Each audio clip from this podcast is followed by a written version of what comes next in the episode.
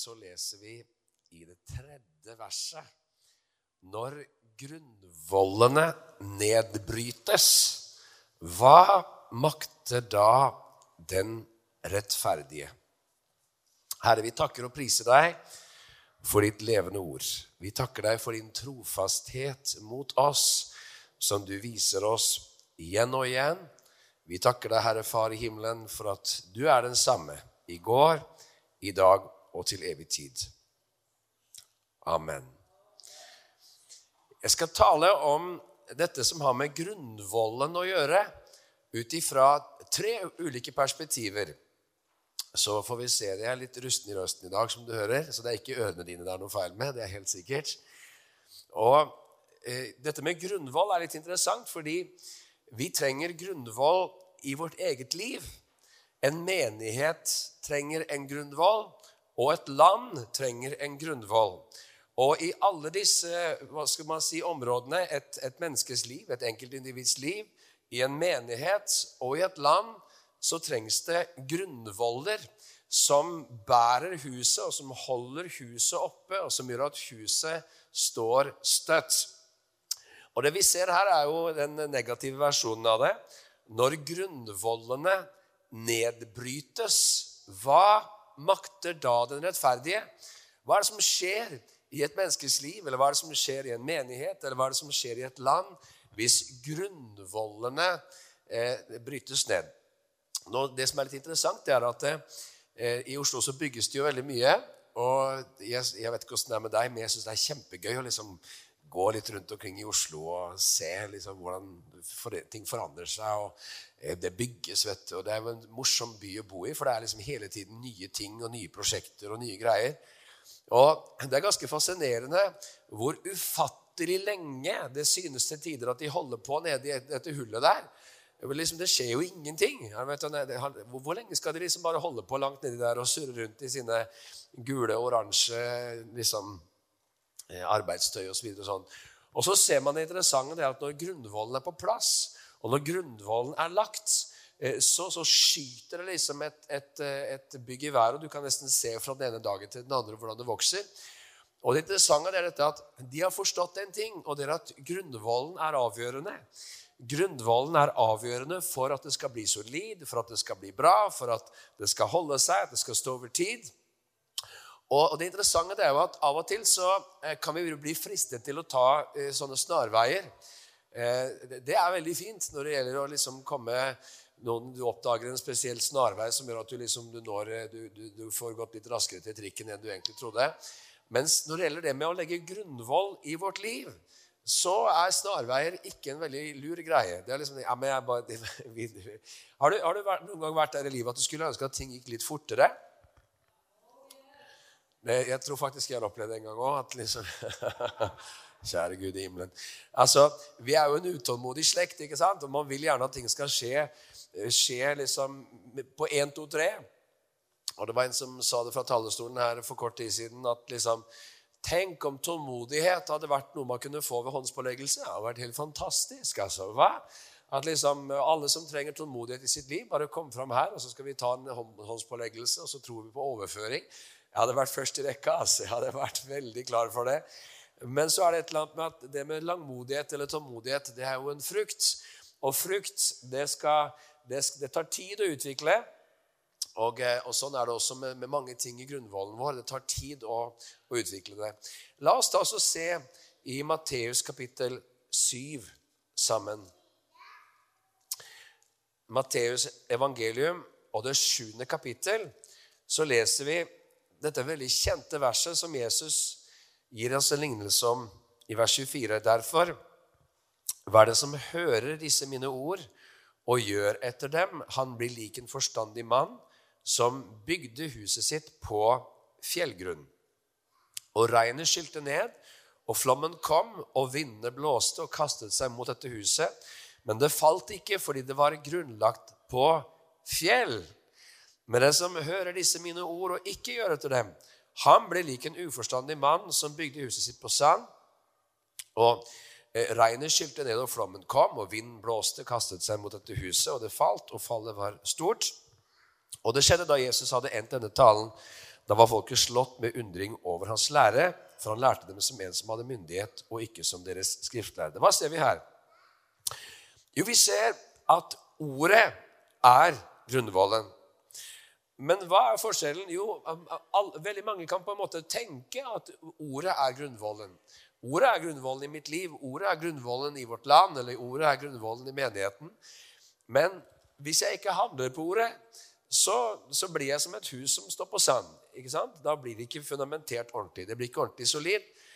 Og det som er en stor fristelse for oss mennesker eh, Hvis du har lest Bibelen mer enn eh, ja, jeg skal ikke si mer enn fem minutter, men hvis du har lest Bibelen en stund, så vil du sannsynligvis ha kommet borti skriftsteder som du tenkte I alle dager, hva betyr det her? Liksom, noen som har opplevd det noen gang? At liksom du tenkte det der var litt vrient, liksom. Det der syns jeg faktisk var ganske vanskelig.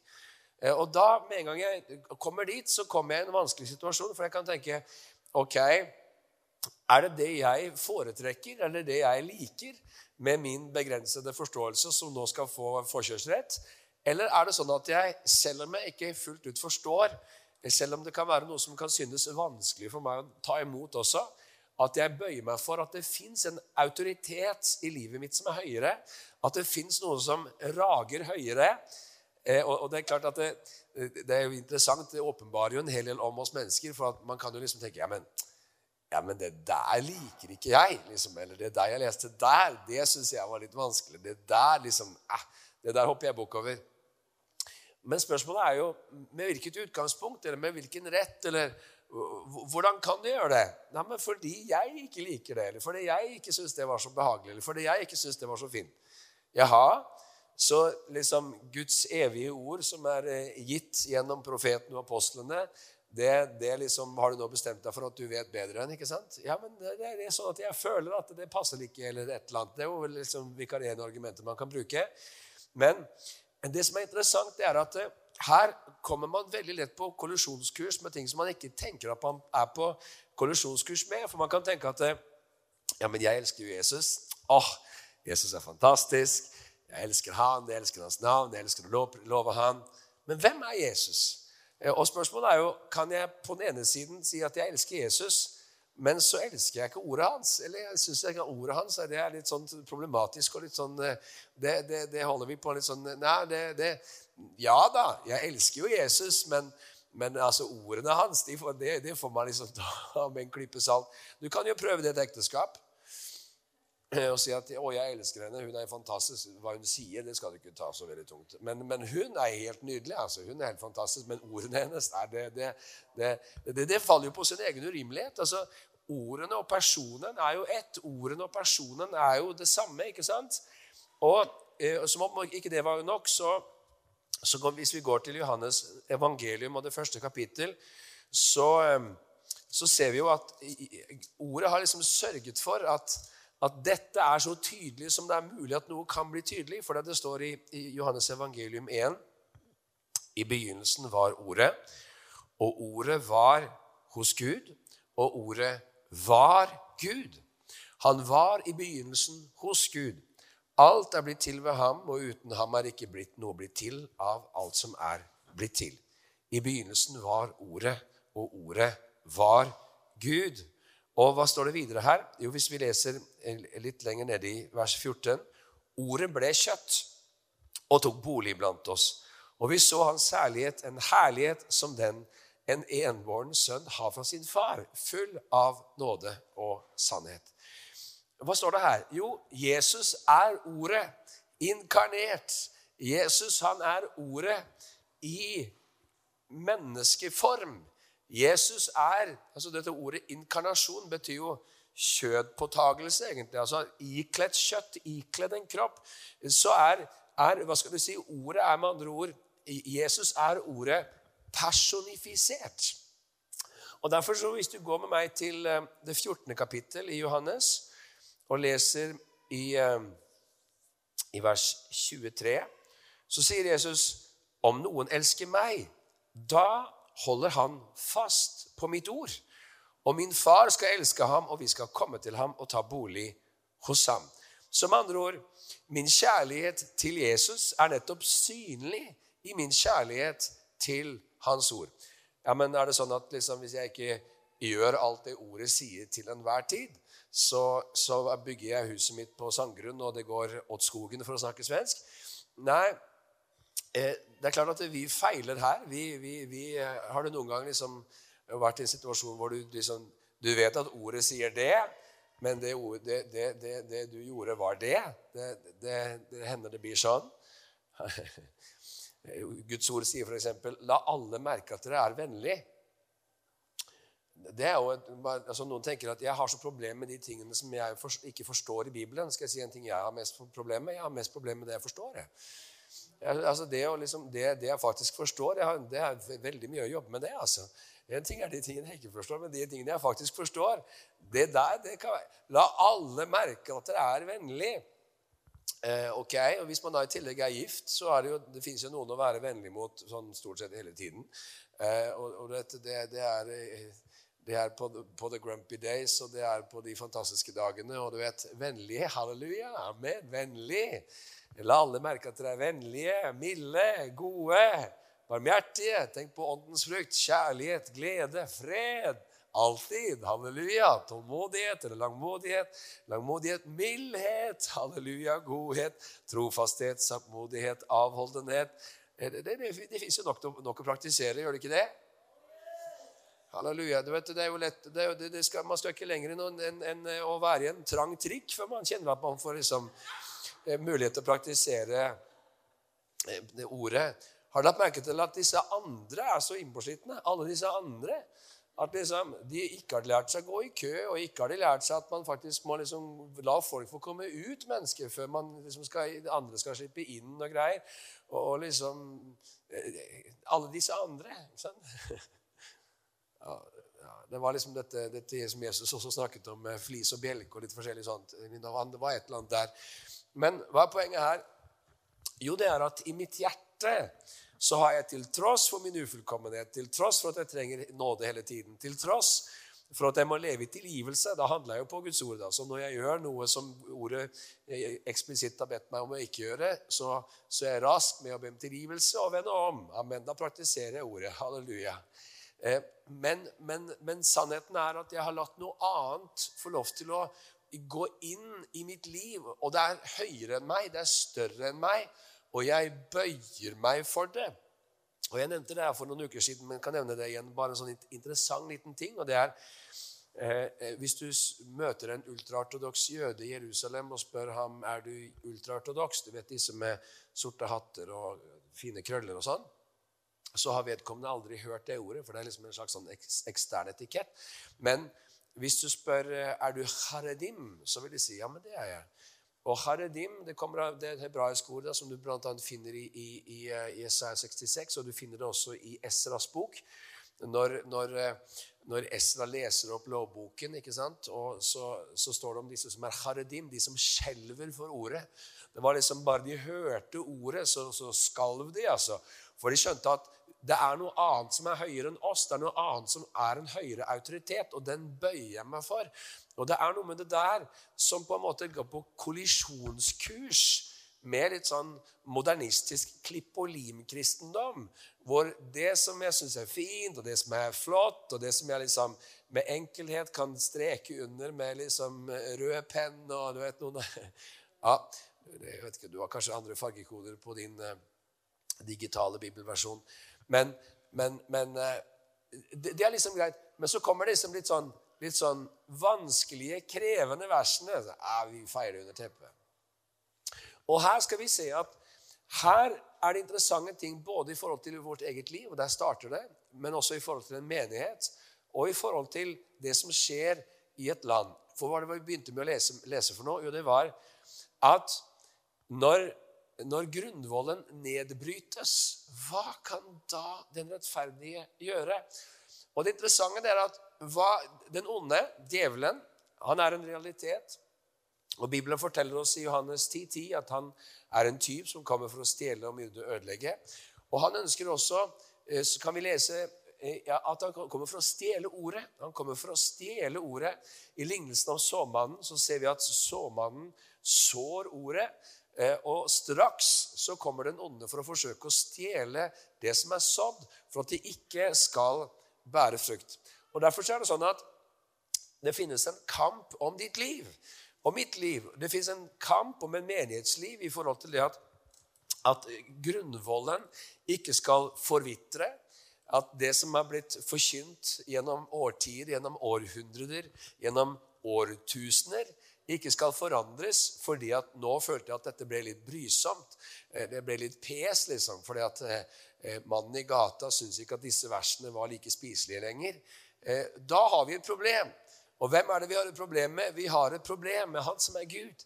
Vi har et problem med, med Han som talte, og det skjedde, som bød, og det sto der. Alle ting ble skapt ved Hans ord. Det er Han vi har et problem med. Og det kan vi også lese sammen Eh, hvis du går med meg til eh, skal vi se, eh, kapittel 8 i Markus, så ser vi det veldig spesielt, fordi Jesus og hans ord har vi, som vi har hørt, er ett. Og Derfor er det sånn at hvordan vi forholder oss til hans ord, er ikke likegyldig. I Markus kapittel 8 så sier Jesus for den som skammer seg over meg og mine ord i denne utro og syndige slekt. Ham skal også menneskesønnen skamme seg ved når han kommer i sin fars herlighet med de hellige engler. Og Det interessante det er her, spørsmålet er hvem vil vi ha ære av? Hvem er det vi vil ha heder fra? Eh, og Jesus han taler jo om dette i Johannes evangelium. Om, om, om, eh, han sa at 'jeg tar ikke imot ære fra mennesker', for han visste hva som bodde i mennesker. stod det. Og han sa at dere, dere vil jo heller ha ære av mennesker enn å ha ære av Gud. Og, og Det interessante det er jo at da, hvis vi går på en måte over på det nasjonale planet, eh, så, så, er det dette ganske sånn enkelt å identifisere. Det er ikke, det er ikke vanskeligere enn at det er en, en journalist som stikker en mikrofon og et TV-kamera opp i ansiktet på en kristen leder, en kristen predikant, en kristen organisasjonsleder, en kristen politiker, og sier 'Hvordan i alle dager kan du tro at uh, sånn og sånn?' Og så uh, Ja, nei, men for, for, all del, jeg tror jo ikke og tenker ikke at uh, For all del, ja, altså, jeg tenker, har jo aldri tenkt, og det er jo helt selvfølgelig. Mens hvis ordet er tydelig, og vi syns det er vanskelig å være tydelig på det som Guds ord er tydelig på, ja, men da, da, da har vi et problem med Gud selv. Da har jeg begynt å skamme meg over ordet. Ikke sant? Og da er det det letteste for oss det er jo på en måte da peke fingre mot alle disse som står i offentlighetens lys, og som eh, skal uttale seg og liksom eh, forskjellig sånt. Nå, eh, nå, snakker jeg ikke bare om samlivsetiske ting, men det kan være veldig mange ulike områder. Mens, mens den som du og jeg har eh, hva skal du si, bestemmelsesmedvirkning på, er jo vårt eget liv. At Hvordan forholder jeg meg til ordet? ikke sant? Eh, og, og Derfor så tror vi at det er en viktig tid og, og, ikke på en vanskelig måte, ikke på en vrien måte, ikke på en fordømmende måte. Men det er viktig å holde fast på ordet. Eh, eh, det er viktig å kunne kommunisere det med, med, varme og med kjærlighet. Vi tror på Guds ord. Vi tror at Gud innstiftet familien. Vi tror, vi, vi, Det var så herlig vet, når man har vielse, sånn som vi hadde i Kristiansand domkirke i går. Eh, det er liksom bare å begynne å lese Første Mosebok. Ikke sant? At Til mann og kvinne skapte han dem. Og, og ikke sant? Han sa at de skulle forlate sin far og sin mor, og de skulle, de skulle, holde, skulle holde seg til sin hustru, og de to skulle være ett. Altså, Man leser jo om skapelsesordningen. Er veldig tydelig og veldig, veldig lett å forstå. Det, det, er, det, er, rett fram, klart, herlig. Men, men, men her eh, Det er liksom ett område. Mens i vårt eget liv så er det mange, mange ting som utgjør grunnvollen og hvis du går med meg til Er det greit at vi har litt bibelstudium her? Hvis vi går til Hebrebrevet, det Skal vi se eh, Sjette kapittel, vers 1. Og Det er jo et svært tema, altså, så vi, vi, vi får bare liksom berørt det litt. Men det står i vers 1.: La oss derfor gå forbi barnelærdommen om Kristus og gå videre mot det fullkomne så vi ikke igjen legger grunnvoll. Her har du uttrykket igjen. Legge grunnvoll. Med omvendelse fra døde gjerninger og med tro på Gud, med lære om dåp og håndspåleggelse, oppstandelse fra de døde og evig dom. Og det vil vi gjøre om, om, Gud tillater det. Her står det jo litt sånn reversert at det var noe de ikke håpet at de måtte gjøre på nytt igjen. Men det åpenbarer samtidig noe om grunnvollen. Det står om Det står om omvendelse, det står om tro, det står om dåp, eh, som faktisk står i, i gresken der på, i flertall. Baptisms, plural. Eh, det står om håndspåleggelse, altså overføring ikke sant, av kraft, en helligånds kraft. Oppstandelse fra de døde og evig dom. Og det interessante er jo at eh, hvis man skal tenke at man skal legge eh, grunnvollen i et nytt menneskes liv Noen kommer til å tro på Jesus. Noen, noen sier oh, wow, jeg vil kjenne Jesus. Jeg ønsker virkelig å bli kjent med Jesus. Jeg, jeg har tatt imot Jesus som min frelser og herre. Da har et nytt liv begynt å spire, og jeg har begynt å vandre med Jesus Kristus. Da er det vår oppdrag, vår plikt som åndelige foreldre å legge grunnvoll i menneskers liv. Undervise dem. Og Derfor så trenger vi da å undervise om, eh, om disse tingene. Og lære dem om troen, og lære dem om omvendelse, og lære dem om dåpen, og lære dem om håndspåleggelse, lære dem om oppstandelse fra de døde. Det interessante er jo at dette med evig dom det blir så litt sånn Ja, kjempefint at du tok imot Jesus her i forrige uke. Nå skal vi snakke litt om evig dom. Truls, det, det er bare å sette seg ned og ta fram notatbok, og så skal vi notere litt her. Og skal vi gå gjennom og da, det, det, det høres litt sånn heftig ut, gjør det ikke? Evig dom. Eh, men det som er interessant, er at altså, hele vår tro den, den, har jo med evigheten å gjøre. ikke sant? Den, hele vår tro Det er jo liksom ikke bare at man får liksom en slags sånn allmenn livsforbedring, litt sånn bedre kvalitet i hverdagen. Litt sånn Statoil-reklame. Equinor heter det nå. Som du får på, får på liksom, Vi gir deg en bedre dag, eller et eller annet. whatever. Altså, det, det, det, det er jo det er jo ikke det at vi liksom allment får litt trøst eller litt styrke eller litt fred. Litt, men, men, vi snakker jo om evighetsperspektiver. Og hvis ikke det er i grunnvollen, så er det veldig mange ting som det er lett å begynne å fire på. Så er det veldig mange lett ting som det er lett å, å liksom kutte ut. Eller ja, men det der kutter vi, eller det passer ikke inn i vår tid, eller det der funker ikke for meg, eller det passer ikke inn i min livssituasjon. Eller, men, men i det øyeblikket jeg har evigheten som perspektiv, så leste vi i Markus kapittel 8 at den som skammer seg over meg og mine ord, ikke sant? han vil jeg skamme meg over. Hvor? I himmelen, ikke sant? Innenfor min far. Så, at, så at det her med det med å forstå evighetsperspektivet og evig dom, ja, det er viktig i forhold til, eh, i forhold til, eh, til eh, perspektivet på ordet, f.eks. At ordet er evig, ordet varer evig. Eh, så, så, blir vi litt sånn, sånn mørkredde med en gang vi hører et sånt ord som dom. Så tenker vi ja, men uff a meg, da, kjære venner, jeg har ikke kommet her på søndag formiddag for å høre om dom. liksom. Det er jo, Livet er kjipt nok som det er fra før. Men, men det er en forvridd, eh, hva skal du si, eh, sekulært påvirket eh, greie som gjør at vi ikke ser at eh, dom er jo et fantastisk lyst ord. Sant? Kan du tenke deg en fotballkamp uten dommer? Hæ? Du har liksom benket deg ned, og du skal se på Champions League. Real Madrid mot en eller annen La oss si Liverpool, da. Ok. Så altså, ja, Vi har et forsøk her nå. Vi kjører uten dommer i år, liksom. Det skal jo være interessant, liksom. Men du, hadde jo sittet der og tenkt 'Hallo, hva skjer? This is crazy.' Hvordan kunne han gjøre det? Dommeren, liksom, dommeren sitter bare på siden der og spiser pølser med løk liksom, og fryder seg og syns livet er herlig. Og, nei, Ernst, det her var helt nydelig at vi, at vi endelig kom til fornuft. Altså, vi drev og stressa rundt og løpt ut på banen der i alle år. og Nå, nå, nå, vi, nå fortjener vi en hvil, Ernst. Nå setter vi oss her. Kan disse spillerne bare spille? Altså, på, på et sånn veldig enkelt hverdagslig nivå, som et idrettskamp, så skjønner vi at det må være noen dommere Dommerne er jo ikke der for å liksom eh, lage livet kjipt for spillerne, er det det? Ja, for noen dommere, Dommerne klages jo alltid på da, ja, dommerens feil og alt mulig. Men, men vi vet jo at dommeren, dommeren sørger for orden, for rettferdighet, halleluja, og for at, at, at utfallet blir korrekt. ikke sant?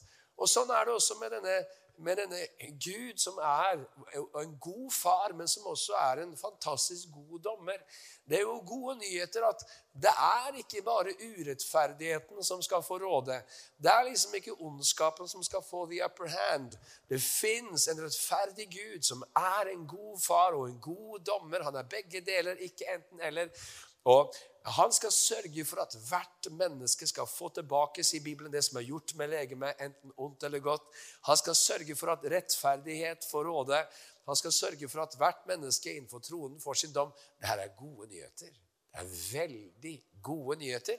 Og det er en del av grunnvollen som igjen har med forståelsen av evigheten. Og det her går ganske dypt, for hvis ikke evighet Det er jo ikke bare evigdom, men evighetsperspektivet Hvis ikke det er en del av grunnvollen, ja, så kan jeg leve, leve opp, ende opp med å leve som en sekulær hedning egentlig, med kristen fortegn. At livet er egentlig bare liksom x antall nytelser mellom punkt A og B, og så er det liksom Jesus et pluss i tilværelsen. Og Jesus er definitivt et pluss i tilværelsen, men come on. Han ga ikke sitt liv på korsets tre for å gi deg et pluss i tilværelsen. Han kom der for å redde deg fra dine synder, for å redde oss fra fortapelse, for å forsone oss med vår Gud, for å sette våre føtter på en klippe. Og Derfor så er det så viktig at du vet, eh, Det skal være interessant å liksom tenke det her. Det, er begrensa hva man får dyttet inn på en søndag formiddag. Men, men vi sender jo bilene våre inn på service med jevne mellomrom. Det fins noe som heter EU-kontroll. Noen som er glad i den? Det er jo ingen som er glad i EU-kontroll. Det er jo ingen, det er jo kjipe Å, å nei, kommer de, liksom? Så blir jeg kalt inn liksom, til å kontrollere bilen. og De finner alltid noe, ikke sant? Hva? Har du tenkt sånn om disse typene noen gang? Hvor skal de finne den dingsen der, da? De lever vel godt uten at den funker. Og det kosta skjorta liksom 3000 spenn for å fikse en liten dings som ingen har sett engang. Det fins selvfølgelig ingen andre her på planeten som, enn meg som kanskje noen gang har tenkt sånn i sitt liv, men jeg bare liksom refererer teoretisk da til disse perspektivene. Men de vil sjekke at ting er som det skal. Og hvis ting ikke er som det skal, så vil de at skaden skal utbredes innen så og så lang tid. Er du med? Så, så liksom, vi, vi får liksom EU-kontroll. Eh, vet du. Det blir sånn evangelisk undersøkelse. Halleluja. Ikke sant? Det er liksom å, å liksom se, se, inn i mitt liv. Er, er, er, liksom, er, det sånn at ordet har råderett? Er liksom, eller er det noe av, noe av grunnvollen som har begynt å, å, å, forvitre? Og Det interessante er at det er ikke sånn at et hus som er bygget, alltid forblir fantastisk. Har du lagt merke til en ting? Det skal bare én ting for at et hus begynner å forfalle, og det er at du gjør ingenting. Sant? Det er Ingen vedlikehold er lik forfall. Derfor så må det bo folk i husene. ikke sant? Det heter, Hvis det ikke bor noen folk der, så forfaller de. Og, og, sånn er det med Hvis jeg begynner å tenke ok, eh, Kanskje jeg hørte om tiende. Kanskje jeg hørte om hellige gaver. Kanskje jeg hørte om, om viktigheten av å gi i unge år. og kanskje jeg liksom ja, men Det var lett å praktisere det liksom, når regningene var få og studentlånet var stort og liksom livet var herlig. Og liksom sånn, og så, og så ble forpliktelsene større, og så ble regningsbunken større, og så fikk jeg familie. og så, og så ble det liksom, Plutselig så kjente jeg at jeg måtte jo begynne å tro Gud. Jeg måtte involvere troen min for å gi 10% til Gud først, f.eks. Som en grunnvoll eh, i, i, tilværelsen. Det kan være helt andre ting også. Eh, det kan være at jeg eh, f.eks. Har hatt som en grunnvoll i livet mitt at det å bruke tid i Guds ord er en selvsagt ting. Man legger det inn som en vane i sitt liv. Hellige vaner.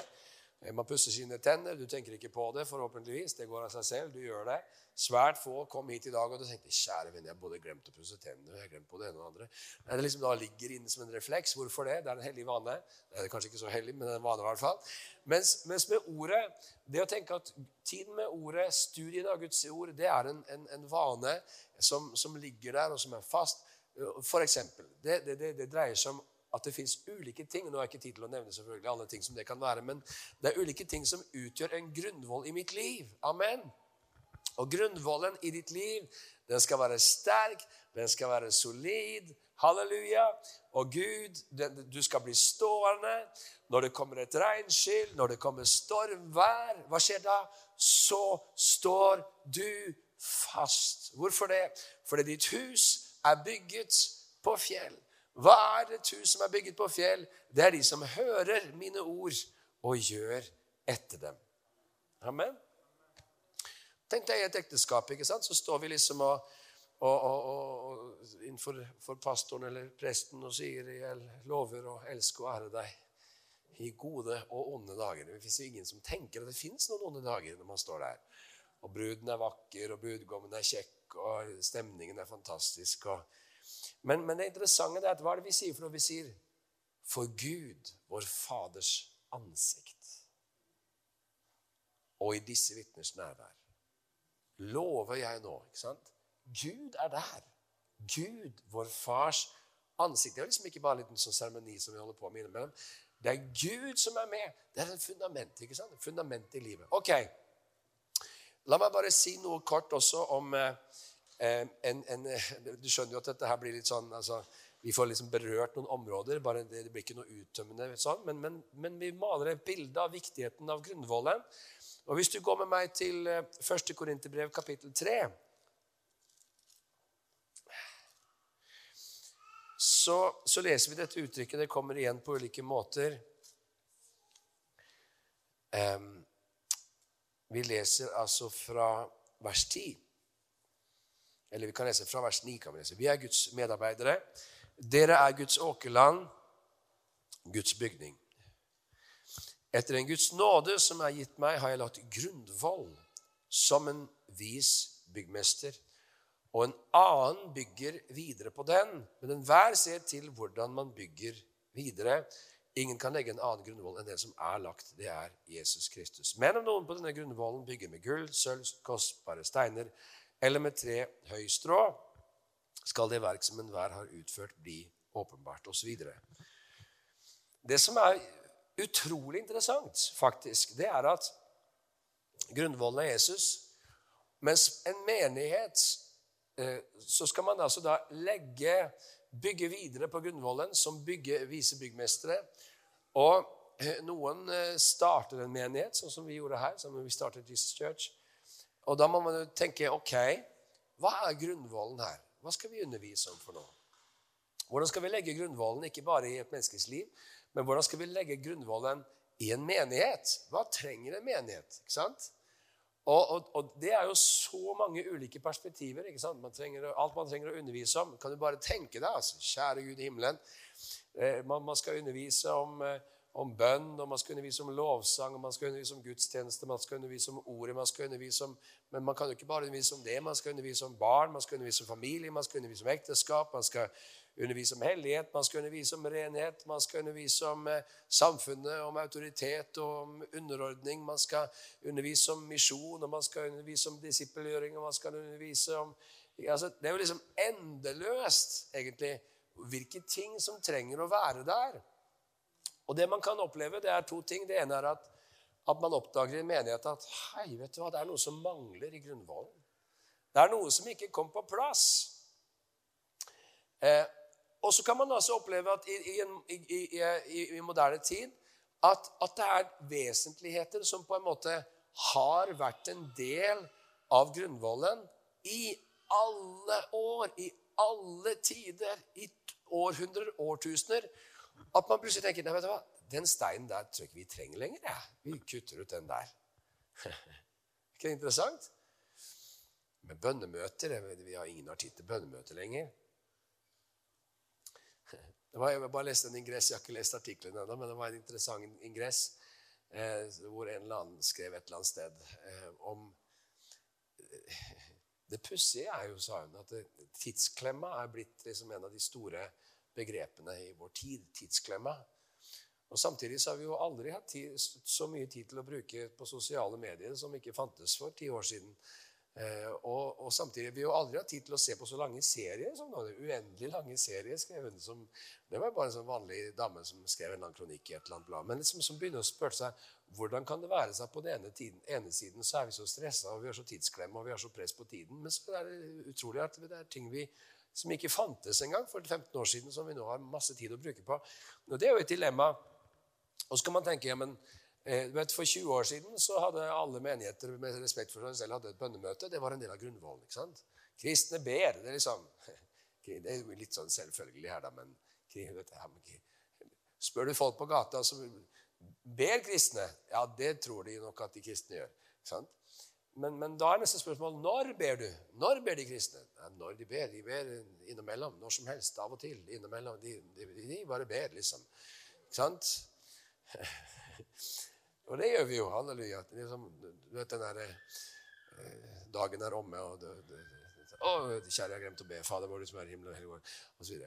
Ja, men, men, men, så taler jo Bibelen om noe litt annet òg. Taler om kollektiv bønn. Taler om bønn for land og folk taler om å be for de som er i høy stilling. 1. Timoteus 2. ikke sant? Man liksom ser et annet perspektiv, at, at bønnen er jo en tjeneste man gjør. ikke sant? Og jeg lurer så veldig på hva min tjeneste hva min tjeneste, hva min tjeneste. Begynn å be. ikke sant? Halleluja. Jeg ber.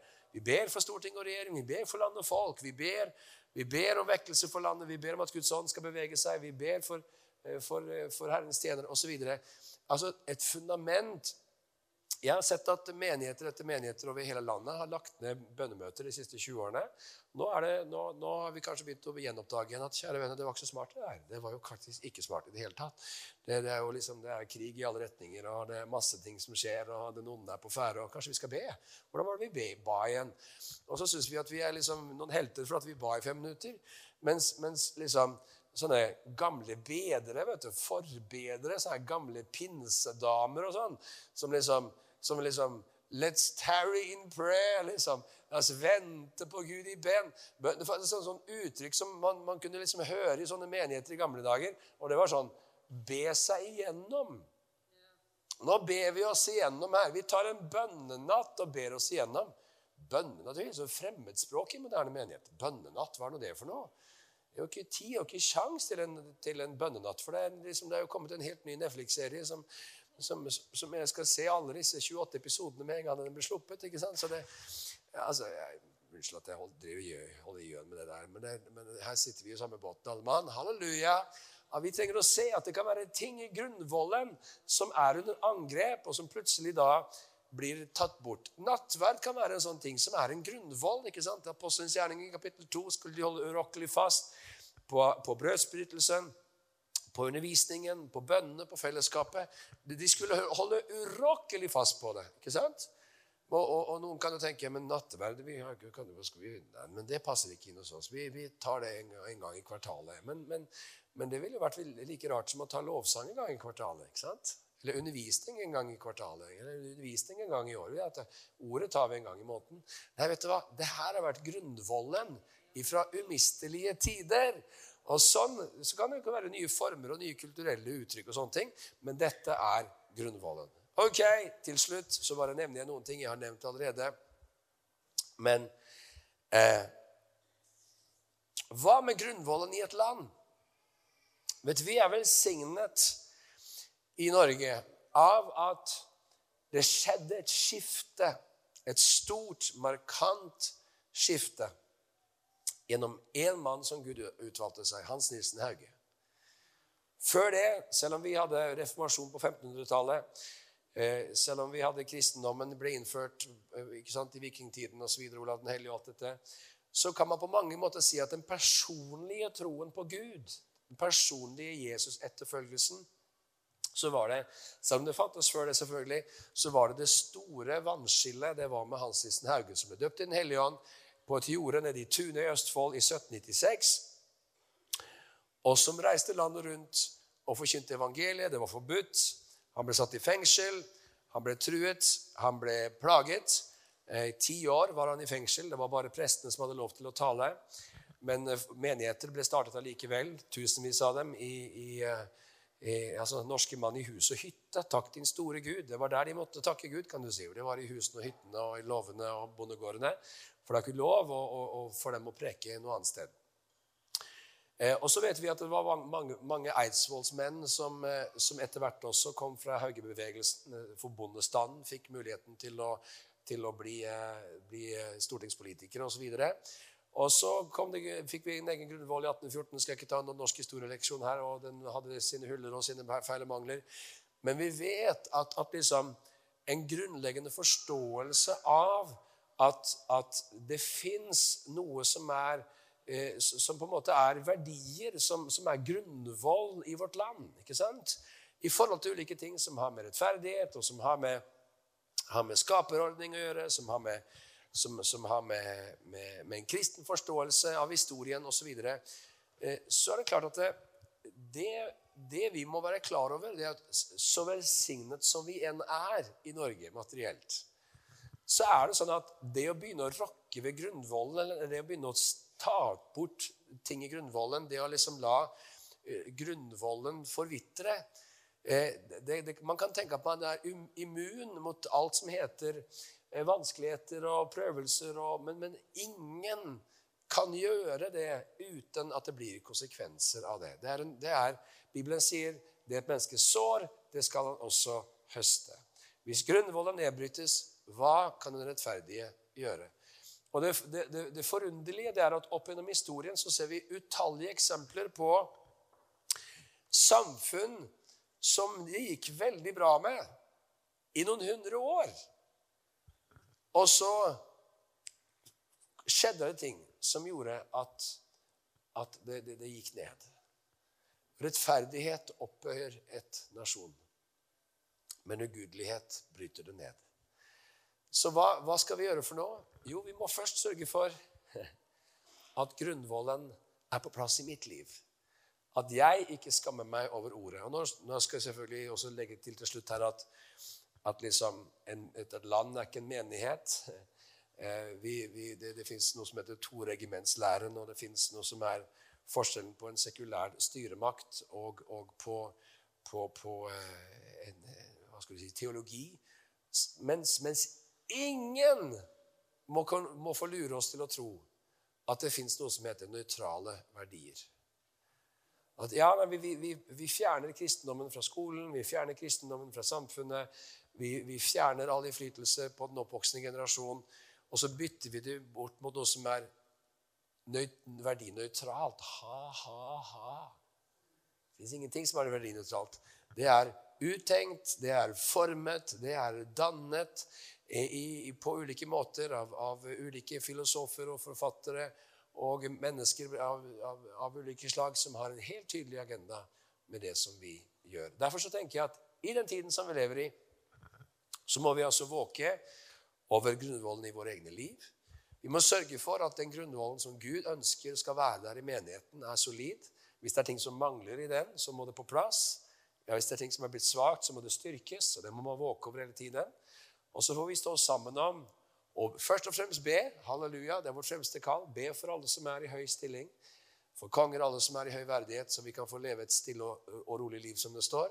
Som altså vil si at det er et, et, et, et samfunn som er velbehagelig for Herren.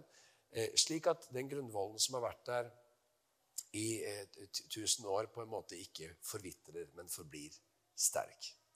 Amen. Skal vi reise oss opp?